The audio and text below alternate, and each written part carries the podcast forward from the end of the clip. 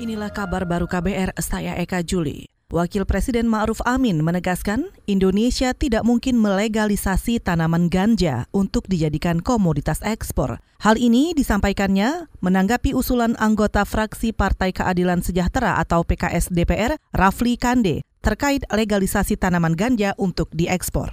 Ya pertama saya kira itu sudah ada larangan ya, tidak mungkin lah pemerintah melakukan itu. Dan oleh fraksi pimpinan fraksi PKS-nya sudah ditegur loh. Jadi ya saya kira tidak tidak tidak mungkin lah hal-hal seperti itu kita mengekspor sesuatu yang kita dilarang kok diekspor untuk orang lain. Wakil Presiden Ma'ruf Amin juga menambahkan perlu kajian dari Kementerian Kesehatan terkait khasiat ganja untuk pengobatan. Sebelumnya, anggota DPR dari Partai PKS Rafli Kande mengusulkan pemerintahan Jokowi melegalkan tanaman ganja sebagai komoditas ekspor. Usul tersebut ia sampaikan kepada Menteri Perdagangan Agus Suparmanto dalam rapat kerja di DPR beberapa waktu lalu. Saudara, hari ini Komisi Pemberantasan Korupsi atau KPK akan memanggil ulang Wakil Ketua MPR Zulkifli Hasan dalam kasus pengajuan revisi alih fungsi hutan di Provinsi Riau 2014 silam. Juru bicara KPK Ali Fikri mengatakan, Zulkifli Hasan sebelumnya mangkir pada panggilan pertama yang dijadwalkan 16 Januari lalu.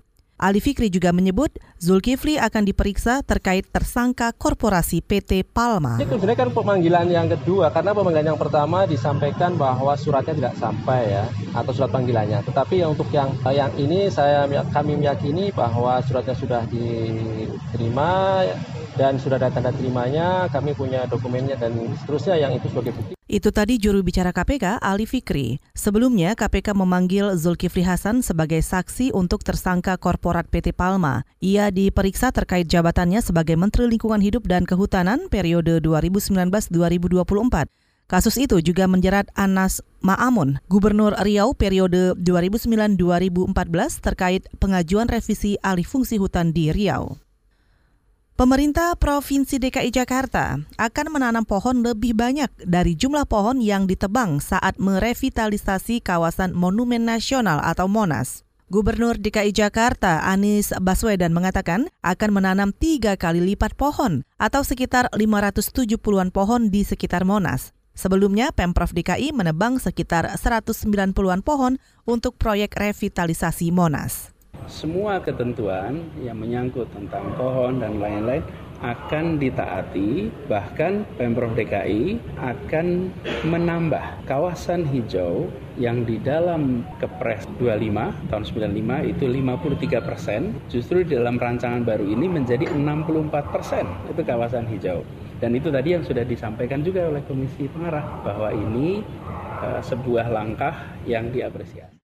Gubernur DKI Jakarta Anies Baswedan akan segera menanam kembali pohon-pohon yang ditebang di sekitar Monas. Penanaman kembali pohon di sekitar Monas itu diapresiasi Komisi Pengarah dan beberapa fraksi di DPRD DKI, seperti fraksi PDI Perjuangan.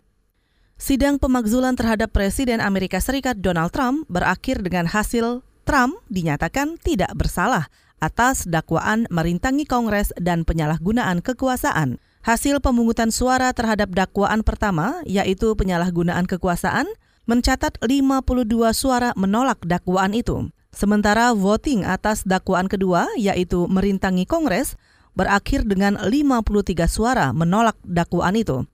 Trump dimakzulkan pada 18 Desember 2019 oleh Dewan Perwakilan.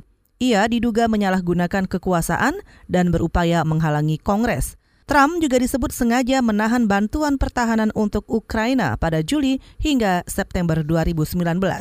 Saudara demikian kabar baru, saya Eka Juli.